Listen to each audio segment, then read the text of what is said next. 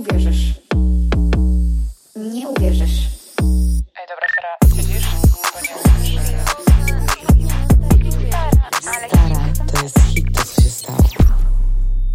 Tu wasza siostra, przyjaciółka, matka, babcia i faker na emeryturze. Witajcie w Stara Słuchaj. Nie wiem, kochani, od czego zacząć. Czy od tego, że życie może się tak szybko zmienić i po prostu jeszcze rok temu, w sensie rok temu, jeszcze dwa miesiące temu płakałam za tym, że ja chcę do Mediolanu, ja chcę tam wrócić i tak dalej. Ja nie wiem, wiecie, no jakby wszystko. I nagle Oczywiście, no to też ja biorę odpowiedzialność za swoje decyzje i czyny.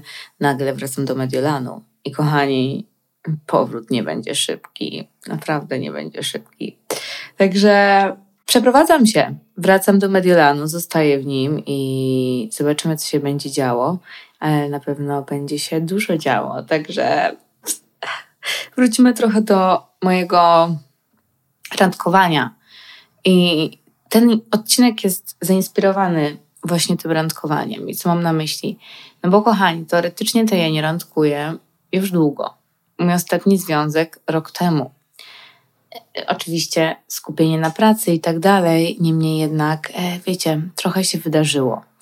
I zaczęłam zastanawiać się nad tym, czy wiecie, na pewno wszystkie moje traumy są jakby wyleczone, czy na pewno wszystko jest ok i czy ja jestem gotowa na powrót do tego do tego randkowania. Bo w Polsce było inaczej, w Niemczech było inaczej. Ja wiedziałam, że ja tam nie zostaję, więc nie ma jakby sensu budować niczego, spotykać się z kimś za bardzo i tak dalej. Sami rozumiecie, nie? Wszystko było takie bardzo luźne, tak to nazwijmy. No i dziś przychodzi ten dzień, że za dwa tygodnie wyjeżdżam, równo 1 października w niedzielę. I podjęłam taką refleksję, że jakby ja w przyszłości byłam mocno niedostępna emocjonalnie. I czy ja już jestem dostępna emocjonalnie? Jak to działa? Jak to wygląda? Um, byłam niedostępna emocjonalnie równo dwa lata temu. Czekajcie, z sexy dentystą. No coś takiego. A potem poszłam na terapię. No i na tej terapii to przepracowałam. Teoretycznie. Tak mi się wydaje. No i tam oczywiście coś się zaczęło od tego, że ja podjęłam, wiecie, rozmowę z sexy dentystą. Ci, którzy nie znają sexy dentysty, zapraszam do pierwszych odcinków podcastu, bo on był tam gwiazdą. To był typ, z którym byłam w situationship. I ogólnie to słow, te słowa, niedostępność emocjonalna, one się pojawiły właśnie w tej relacji. I ja jakby nawet nie wiedziałam może na ten temat jakoś mega dużo, ale byłam taka, on jest niedostępny emocjonalnie. Nie rozmawiamy jakby o uczuciach, niewygodnie się czujemy, on i ja, rozmawiając o tych uczuciach w ogóle. Oczywiście zwalony na niego, ale ja też byłam problemem tam. I byliśmy tacy unikający trochę, to wszystko było dla nas takie niewygodne. Bycie bliskim, jak ja zostałam u niego na noc, pamiętam pierwszy raz, to się czułam tak mega dziwnie. Taka bliskość, której ja do końca nie chciałam. Ja byłam taka, wiesz, ja nigdy nie śpię z nikim w łóżku i tak dalej. On był taki, ja też nie. W sumie już od czterech lat z nikim tak nie spałem. Ja byłam taka, o, okej, okay. to, to jest duży krok, nie? Bo z tą niedostępnością emocjonalną jakby musimy robić takie małe kroki, jeśli chcemy się trochę otwierać i tak dalej. Załóżmy dla nas to był wtedy duży krok. Spędzenie po prostu nocy w jednym łóżku. I kto by pomyślał, że wiecie, dla niektórych to jest aż tak duży krok. No, dla osób niedostępnych emocjonalnie to jest ogromny krok. No i co do sekcji dentysty, no wiecie, ja tam po jakimś czasie podjęłam z nim próbę rozmowy na zasadzie, co jest między nami, na czym my stoimy i tak dalej, i tak dalej. I powiedziałam mu jakby, stary, Dobra, nie powiedziałam chyba stary. A w tym miałam fazę na mówienie bro, bo już w ogóle co się Bro. Powiedziałam do niego bro. Jakby ty jesteś niedostępny emocjonalnie. I on do mnie mówi, kto to powiedział? Jakby kto to mówi, nie? Że ja też jestem. I był taki, Oliwia, ty też jesteś strasznie niedostępna emocjonalnie. No, bez kitu, my nie rozmawialiśmy o żadnych uczuciach i nie komunikowaliśmy się. I nie było tego takiego emocjonalnego połączenia między nami, żeby w ogóle budować coś. Wiecie o co chodzi, nie? Bo ja myślałam, że jestem emocjonalnie dostępna, bo byłam taka emocjonalna, ale to jest różnica w ogóle. I mówiłam, jak się czuję. ale to jest różnica między taką emocjonalną intymnością. Bo jak jesteśmy po prostu emocjonalni, to mamy kontrolę trochę nad tym, co mówimy, jakie emocje z nas wychodzą. Emocjonalna intymność jest bardziej taka typu, co czujesz, dlaczego to czujesz, co sprawiło, że tak czujesz to, a nie inaczej. To jest wchodzenie bardziej w swoje emocje, rozumiecie? Bardziej otwieranie się, mm, jakby, no, wchodzenie w nie. A, a nie mówienie, jestem smutna, elo, jestem zła i, i wypieprza i tak dalej. To jest mówienie właśnie takiej historii, opowiadanie trochę naszej historii. Nigdy nie powiedziałam na przykład seksydentyście swojej historii. Nigdy nie, nie wyrażałam takich uczuć. Ale to też nie oznacza zawsze, że jak opowiemy komuś historię i wyrazimy trochę uczuć, to znaczy, że jesteśmy dostępni emocjonalnie. No i oczywiście, wiecie, to wszystko się bierze z dzieciństwa, bo skąd? Um, tato, nie mamy kontaktu i tego pewnie nie słuchasz, więc możemy się trochę powypowiadać na ten temat. Um, to nie jest tak, że nasi rodzice zawsze byli źli, uh, czy coś w tym stylu. Po prostu ktoś w dzieciństwie um, nie do końca pomógł nam zrozumieć nasze uczucia i co czujemy i dlaczego. I to dlatego, że nasi rodzice nie zostali nauczeni tego i potem nauczyli nas tego i, i tego zrozumienia całego, czemu coś czujemy, nie? Jak ja sobie myślę o moim ojcu, no to totalnie jego rodzice to są w ogóle wyłączeni z emocji, moi dziadkowie. Zero jakiegokolwiek emocjonalnego wsparcia, otwarcia, jakby tam nie ma mowy o uczuciach, tam nie jesteś słaby e, i tak dalej. Nie wiecie, no, e, mój ojciec też był częścią jakiegoś mojego życia i, i gdzieś to się przyniosło na mnie. Moja mama, którą kocham, moja babcia, którą kocham od strony mojej mamy i dziadek, też było tam trochę tłumienia emocji. I kocham moją mamę, jest najcudowniejszą osobą na świecie, aczkolwiek to nie są duże błędy, które rodzice popełniają, bo po prostu czasami rodzice są tacy, że wiecie, o, jesteś smutny, przytulę cię i tyle. A tak poprawnie, jeśli chcemy w to wejść, powinniśmy być tacy, że wyglądasz na smutnego, co czujesz. Powinni rodzice dać taką przestrzeń na, na, dla, na nasze zakomunikowanie, co my czujemy i na to pocieszenie nas, rozumiecie? Jakby mój ojciec był zawsze taki, że weź przestań, nie ma czym się przejmować, wyjebane. I to słowo wyjebane swoją drogą, wybaczcie kochani, to jest słowo, które ciągnęło się za mną kilka dobrych lat. I na przykład, nie wiem, moja siostra mi kiedyś powiedziała, że zawsze jak jej znajomi przychodzą i mnie widzą, to ja zawsze mówię jedno słowo wyjebane. Że tak wszystko mnie nie obchodzi i ja mam tak wyjebane. I oczywiście nie miałam aż tak wyjebane, ale tak było łatwiej po prostu zamykać moje uczucia. Bo tak jak mówię, byłam niedostępna emocjonalnie i nie chciałam rozmawiać o moich uczuciach. To była to, co wyniosłam z dzieciństwa. Brak rozmowy o tym, um, zaciskanie jakby, wiecie, pięści do przodu, nie będziemy o tym rozmawiać i tak dalej, i tak dalej, nie? I to jest to, że ja czułam, czułam taki wstyd trochę przez mojego ojca, że za każdym razem, jak mówiłam o uczuciach, o emocjach, to ja się czułam taka, nie, nie powinno się o tym mówić. Ty jesteś fager, ty się bawisz, jakby nie interesują cię uczucia innych, nie interesują cię uczucia twoje i tak dalej. No i to się przeniosło na moje następne relacje.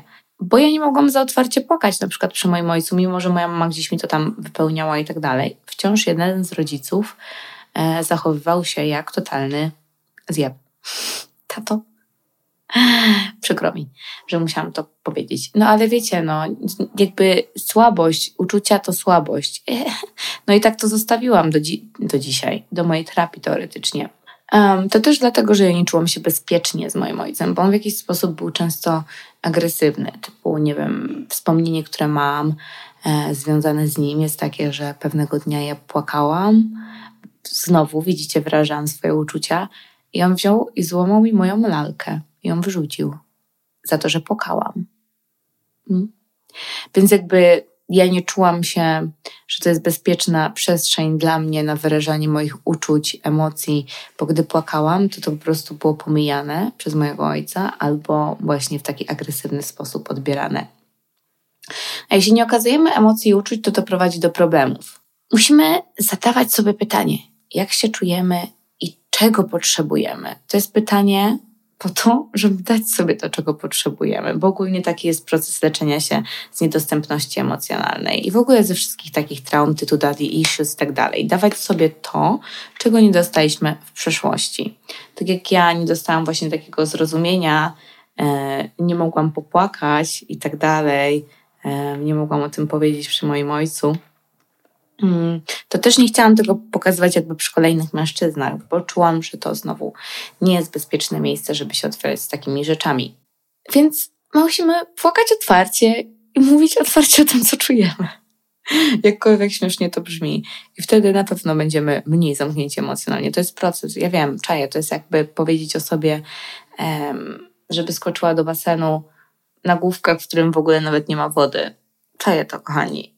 Dlatego mówię, to są po prostu małe kroczki, które musimy podjąć na drodze do uleczenia tego. No dobra, ale dajmy teraz kilka znaków jakby tego, że możemy być niedostępni emocjonalnie. To będzie kilka moich. W sumie, jak teraz tak na nie patrzę, w okresie je wpisałam, um, to w sumie tak, no, wszystkie dotyczą mnie, nie? Hm. Zacznijmy od numer jeden. Powód, jakby powód, objaw symptom, że możesz być niedostępny emocjonalnie, to jest bycie people pleaserem, takim zadowalaczem ludzi, nie? Że wszyscy mają być szczęśliwi i się na nich skupiasz, yy, bo nie chcesz się skupiać na własnych uczuciach, dlatego po prostu skupiasz się na innych yy, osób, osobach, uczuciach. Boże, mam nadzieję, że to wymówiłam poprawnie po polsku, kochani. Naprawdę, naprawdę się staram z tym polskim, naprawdę robię wszystko, co w mojej mocy. Jeśli jesteś jakby tą osobą, która ciągle daje i czujesz, że jesteś dostępny dla ludzi, e, taki wiecie, na każde zawołanie trochę mm, i skupiasz się na tym, żeby oni byli szczęśliwi, no to zazwyczaj jesteś niedostępny emocjonalnie, bo mm, nie chcesz się skupiać na swoich uczuciach, nie, nie dajesz sobie przestrzeni na to, żeby porozmawiać o swoich uczuciach, pomyśleć, więc po prostu przekładasz to na ludzi nie stawiasz granic, nie? Bo chcesz, żeby każdy był szczęśliwy, e, chcesz, żeby chcesz jakby, żeby każdy był zadowolony, więc robisz wszystko, żeby zadowolić tych ludzi. I ja tak robiłam, bo jak byłam z sexy dentystą, no to ja ciągle zmieniałam plany, żeby dopasować się do niego, jakby miejsca, które on chciał, albo nie wiem, wiecie, kupowałam jakieś rzeczy, jakieś jedzenie, przychodziłam do niego, przyjeżdżałam do niego, no w ogóle pojebane akcje. I, i, i ciągle był on w centrum zainteresowany, nie ja.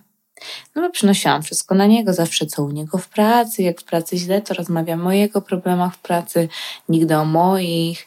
Um, rozumiecie, wszystko było skupione na nim, tylko po to, żeby on jakby no, wiedział, jakby nie uciekł mi oczywiście, um, a drugie, no żeby po prostu odejść od tego, że ta relacja nie za dobrze się zapowiadała i ja nie czułam się w niej za dobrze, ja wiecznie czułam się w niej w sumie źle i niespokojna i tak dalej. No to to jest taki pierwszy objaw. Ogólnie miałam z tym problem w swoim życiu, wiecie, że byłam takim zadowalaczem i to się zmieniło kilka lat temu, w relacjach w ogóle romantycznych to powiedzmy, że to się zmieniło tam z dwa lata temu, ale w takich relacjach bardziej nieromantycznych, to, to, no, to długo byłam takim zadowalaczem ludzi, że robiłam e, wszystko dla wszystkich i tyle. Zadowalacze ludzi. Um, rzecz numer dwa to jest unikanie głębszych rozmów. Wiecie, wszystko jest takie zabawne, lekkie, um, sexy, nie trzeba rozmawiać na poważne tematy. Boże, ja pamiętam naprawdę, jak mój pies zmarł i, i ja się spotykałam wtedy z sexy dentystą i to był mega e, śmieszny, e, Boże, śmieszny, straszny i smutny okres dla mnie. Ja mega przeżywałam tą śmierć mojego pieska, bo no, to, to był piesek, który był z nami przez 10 lat. Miałam takiego buldożka francuskiego i, i nazywała się Diva. No. I, I w ogóle no mega to przeszłam. I, I pamiętam, że wróciłam, moja mama do mnie zadzwoniła, mnie już wtedy nie było w Polsce, mój pies mega chorował. Moja mama do mnie zadzwoniła i była taka, że wiecie, no mój piesek zdechł. W sensie e, uspaliśmy ją, żeby się nie męczyła i jakby ja do niego pojechałam chyba z dzień później, jakby ten temat się gdzieś zaczął. Czy moja mama zadzwoniła w tym czasie, on się o coś zapytał. I ja byłam taka, nieważne, nieważne moje uczucia, y, dosyć i tak dalej, wiecie, jakby nawet nie chciałam tego wyrazić, nie? To, to smutne mega w ogóle swoją drogą. I to było tak też w ogóle w relacjach ogólnie z ludźmi, nie? Że na przykład byłam mega smutna i byłam taka, nie, ja muszę się ogarnąć, ja wychodzę z domu, idę do dziewczyn, e, będziemy się bawić, będziemy pić, będziemy tańczyć, będziemy wyrywać mężczyzn i tak dalej. Zamiast być taka, o, nareszcie idę do moich przyjaciółek, otworzę się przed nimi, popłaczę, wyżalę się i tak dalej, to ja byłam taka niewyjebane. I jak, jak mnie przyjaciółki moje pytały o coś, to ja byłam zawsze taka wyjebane, wyjebane, wyjebane, wyjebane. Wiecie o co chodzi? Że nic mnie nie interesowało i tak zamykam każdy temat. Żeby nie wchodzić w głębokie rozmowy, to ja mówiłam fuck it, I don't care, wyjebane. Teraz wiecie, wrzuciłam trochę angielskiego, bo czasami mieszkałam za granicą i to się nie zmieni. Wiecie, i tak, czy to było w Polsce, czy to było za granicą, czy z nowymi ludźmi, czy ze starymi przyjaciółmi, to zawsze była ta sama sceneria mniej więcej, nie? Um, I tak samo też było z seksidentystą teoretycznie, nie? Bo ja unikałam z nim tych rozmów takich e, na zasadzie co jest między nami, do czego to dąży i tak dalej, żebym ja w ogóle zebrała się na tą rozmowę, żeby go zapytać, co jest między nami, to mi chyba zajęło, ja nie wiem, ile mi to zajęło, no z, tydzień, co ja tam pisałam, wymyślałam, co ja powiem, jak to będzie i tak dalej, no w ogóle jakaś masakra, e, kochani, i to taka ostra masakra. No i nie no, w ogóle no comment. To wszystko było takie bardzo powierzchowne w tej relacji, jeśli chodzi, jakby łącząc to z tym faktem unikania tych rozmów, że wiecie, sypiam z kimś, spędzam z nim czas. To jest taki, no, powierzchowny rozum. Randki, seks, kolacje, zabawa. Ja po prostu nie czułam się komfortowo z tym, żeby wyrazić e, to, że ja w sumie szukam czegoś poważnego i zapytać, czego on szuka. Gdybym to zrobiła na początku, to na pewno uniknęłabym tych wszystkich nieprzyjemnych sytuacji też. No ale się bałam, jakby odcinałam to od siebie. No to to też był czas, jakby nie zrozumcie teraz tego następnego punktu źle, bo jest różnica um, między byciem taką szczęśliwą singielką, byciem takim samowystarczalnym, niezależnym i tak dalej, a obnoszenie się z tym, mówienie o tym bardzo głośno, gdzieś tam, że wiecie, jakby ja nie potrzebuję mężczyzn, tylko seks, tylko zabawa i tak dalej. To mniej więcej tak u mnie wyglądało, że ja się pokazywałam jako taka bardzo niezależna, samowystarczalna, ja cię nie potrzebuję, mężczyźni to w ogóle XD i tak dalej, jakby nie. I, i trochę się chwaliłam tym. W sensie mam wrażenie, że kreowałam taki obraz właśnie takiej fucker, wiecie o co chodzi. Dlaczego? Dlatego też we wstępie mojego podcastu jest to Fagger na emeryturze. Bo ja wykreowałam sobie taką postać siebie. Oczywiście pomijam to, że to też się bierze z tego, że miałam daddy issues i mój tata był takim fuckboyem. Ja mm, ewidentnie szukałam emocjonalnego połączenia z nim na poziomie on ma taki styl życia, to ja będę miała podobny, to znajdziemy w końcu jakąś wspólną nić porozumienia i będziemy mieli o czym rozmawiać, bo ja mówię, wiecie, jakby on tak lubił, to było takie imponujące dla niego e, błąd.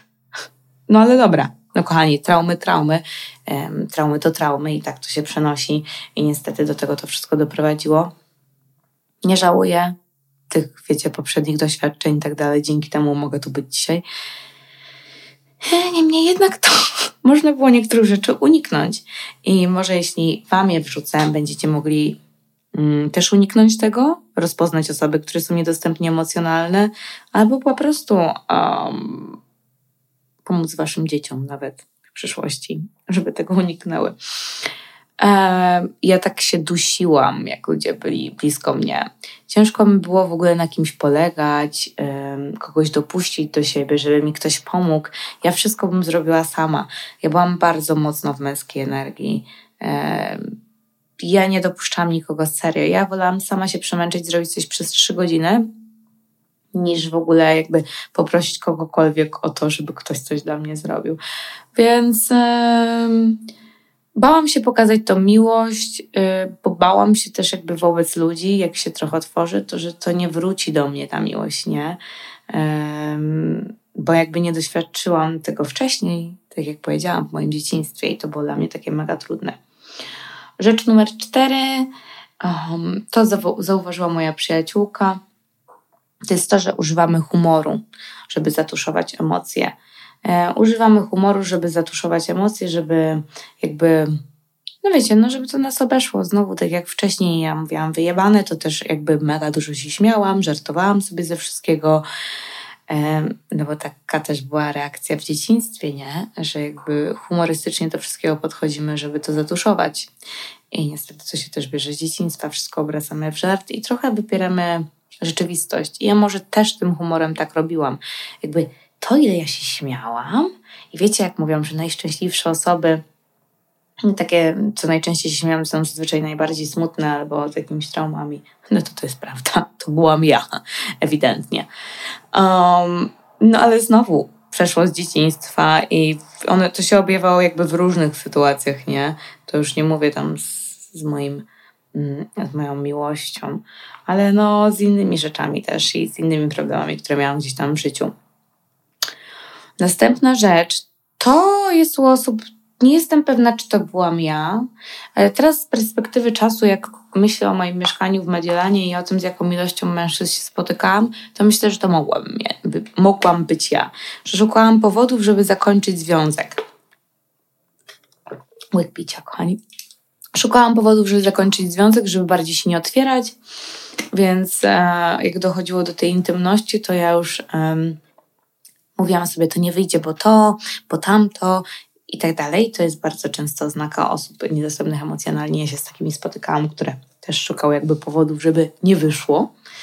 Um, no i powiem Wam, że mam wrażenie, że doświadczyłam takiej sytuacji nawet w te wakacje, jak byłam na tej Sycylii i poznałam tego, um, no ja nie pamiętam jak, jak go nazwałam już w podcaście, Jesus, no nie mogę go nazwać Sycylijczyk ty podróży chyba go nazwałam. Jezu, no wiecie tego, co pojechałam sama na Sycylię teraz w wakacje. No nieważne. Um, I jakby poznając go już byłam tak, wiadomo, że związek na odległość i tak dalej, już whatever. A ja zaczęłam znowu szukać powodów, bo to, bo nie, bo tamto i tak dalej. I przyznam, ja nie jestem gotowa teraz na relację przy tej ilości pracy, którą mam, przy tym, że teraz się przeprowadzam do Mediolanu i tak dalej. Może właśnie jak się przeprowadzę do Mediolanu, to będę już na to gotowa, bo jednak będę w miejscu, w którym chcę zostać dłużej, ale tak naprawdę, kochani, ja nie wiem, czy ja tam zostanę dłużej, bo ja tam nie byłam rok ponad. I ja nie wiem, czy to jest jeszcze mój dom, więc zobaczymy. I wiecie, właśnie z nim szukałam powodów, odległość, bo to mi nie pasuje i tak dalej. Zauważyłam, że w tych relacjach tak, tego szukałam. Przy tym, jak też się spotykałam z jednym chłopakiem, też szukałam tych powodów, więc gdzieś to wiecie, to unikanie intymności, tego jakby bliskości, przywiązania, um, czyli też jakby unikanie tych metek w związku, nie? Bycie takim, że nie nadam tej relacji metki żadnej, met, no metki żadnej. To też są te osoby, które idą z flow, tak jak sexy dentysta szedł ze mną, e, że on nie chciał nazwać tego związkiem, ani niczym poważniejszym, tylko on, wiecie, jemu zależy, ale on sprawdza życie i tak dalej. No, jakby wszystko, robimy wszystko, jakbyśmy byli parą, ale nie jesteśmy parą, bo tak jest łatwiej. Um, kolejną rzeczą to jest to unikanie konfliktów, nie, że boimy się, co przyniesie konflikt. Um, to jest bardzo zły znak, jak w ogóle w relacji nie ma konfliktów, bo to znaczy, że nie ma takiego połączenia, nie rozmawia się o trudnych rzeczach i tak dalej. Mega, mega, mega zły znak. Ale znowu, wiecie, konflikty, uczucia, otwieranie się, więc tego unikamy. Taką główną rzeczą, i to mogę też powiedzieć na, na podstawie relacji z seksidentystą i tego, jak my się spotykaliśmy, że my się nie zbliżaliśmy do siebie w tej relacji. Spotykaliśmy się więcej, częściej, rozmawialiśmy więcej, ale w ogóle nie było między nami żadnego takiego zbliżenia e, emocjonalnego. To było takie, no znowu, jakby go with the flow i wiecie o co mi chodzi. E, totalnie gdzieś tam tego brakowało u nas. No ale znowu, y, i sexy dentysta, i ja byliśmy niedostępni emocjonalnie, więc czego się spodziewać, jakby ktoś musiał zrobić pierwszy krok, żeby się otworzyć, a z taką dwójką ludzi, no to w ogóle nie przychodzi. No i ja przez chwilę miałam coś takiego, że zaczęłam się zastanawiać, kochani, jakby dlaczego w ogóle ja przyciągnęłam taką osobę. Wtedy nie byłam tego świadoma, że jestem niedostępna emocjonalnie. Bynajmniej myślałam, że on jest, ale nigdy bym siebie nie podejrzewała. Ale jak wymieniłam te wszystkie rzeczy dzisiaj, to widzicie, że jednak byłam niedostępna emocjonalnie. To jakby bez świadomości nie mogłam przejść tego healingu, nie? Dlatego terapia była potrzebna. Um, moja znajoma to, co mi powiedziała, seks dentysta to, co mi powiedział, że tak naprawdę no, to jest ciężko zauważyć. Wiecie, niby to są proste rzeczy. I jakby wiecie, no sami widzicie, tyle do Was mówię, że jakbym teraz, no może się to zmieniło od dwóch lat, znaczy na pewno ewoluowało. Jestem bardziej, dużo bardziej jakby inteligentna emocjonalnie. Niemniej jednak, no wiecie, taki znak, czy się nie otwieramy. Um, choć powiem Wam, że ja czułam chyba to mega głęboko w sobie, że jakby ja jestem niedostępna emocjonalnie, że ja bardzo dużo rzeczy tuszuję, ale łatwiej było nie mierzyć się z rzeczywistością. Tylko, że dopóki nie zmierzymy się z rzeczywistością, to nie będziemy w stanie zbudować żadnej relacji, żadnego związku, niczego po prostu. No i przyszedł taki czas, kochani, że teraz czas na mnie. Czas na mnie, żebym ja się zmierzyła z tym, czy, czy się wyleczyłam tak naprawdę. Bo w moim życiu były jakieś relacje mniejsze i większe, yy, pracowałam i tak dalej, ale od roku tak naprawdę, wiecie, nie było niczego poważnego. Co nie jest niczym złym, bo też nie czułam takiej potrzeby i do teraz nie czuję potrzeby. Tylko jak żyjemy życiem, wychodzimy z domu, no to dzieją się różne rzeczy i można kogoś poznać. Ja w ostatnim czasie nie wychodziłam za dużo, ale no teraz właśnie będę do tego wracać. Więc, kochani, jakby odcinek, który pojawi się za trzy tygodnie, za miesiąc i w najbliższych miesiącach, to będą odcinki też rozwojowe moje, na zasadzie będziecie mogli zobaczyć, co ja przechodzę w swojej głowie i co u mnie się dzieje. Oczywiście wciąż będziemy mówić o randkowaniu i przypuszczam, że jeszcze więcej niż ostatnio. Um, ale to będzie ciekawa droga również dla mnie do odkrywania. I to chyba tyle na dzisiaj, kochani. Patrzcie na te sygnały, na siebie i na ludzi dookoła Was. Przyjaciół, rodzinę, osoby, jakby wiecie, mm, waszych partnerów i działajcie i dbajcie o siebie. I najpierw spójrzcie właśnie na siebie przed patrzeniem na innych ludzi, żeby uniknąć tego, co, czego ja nie uniknęłam w sumie, co było też dobrym doświadczeniem. Ale jeśli możemy uniknąć tych złych doświadczeń, to czemu nie? To tyle na dzisiaj, kochani. Buziaki. Buziaki.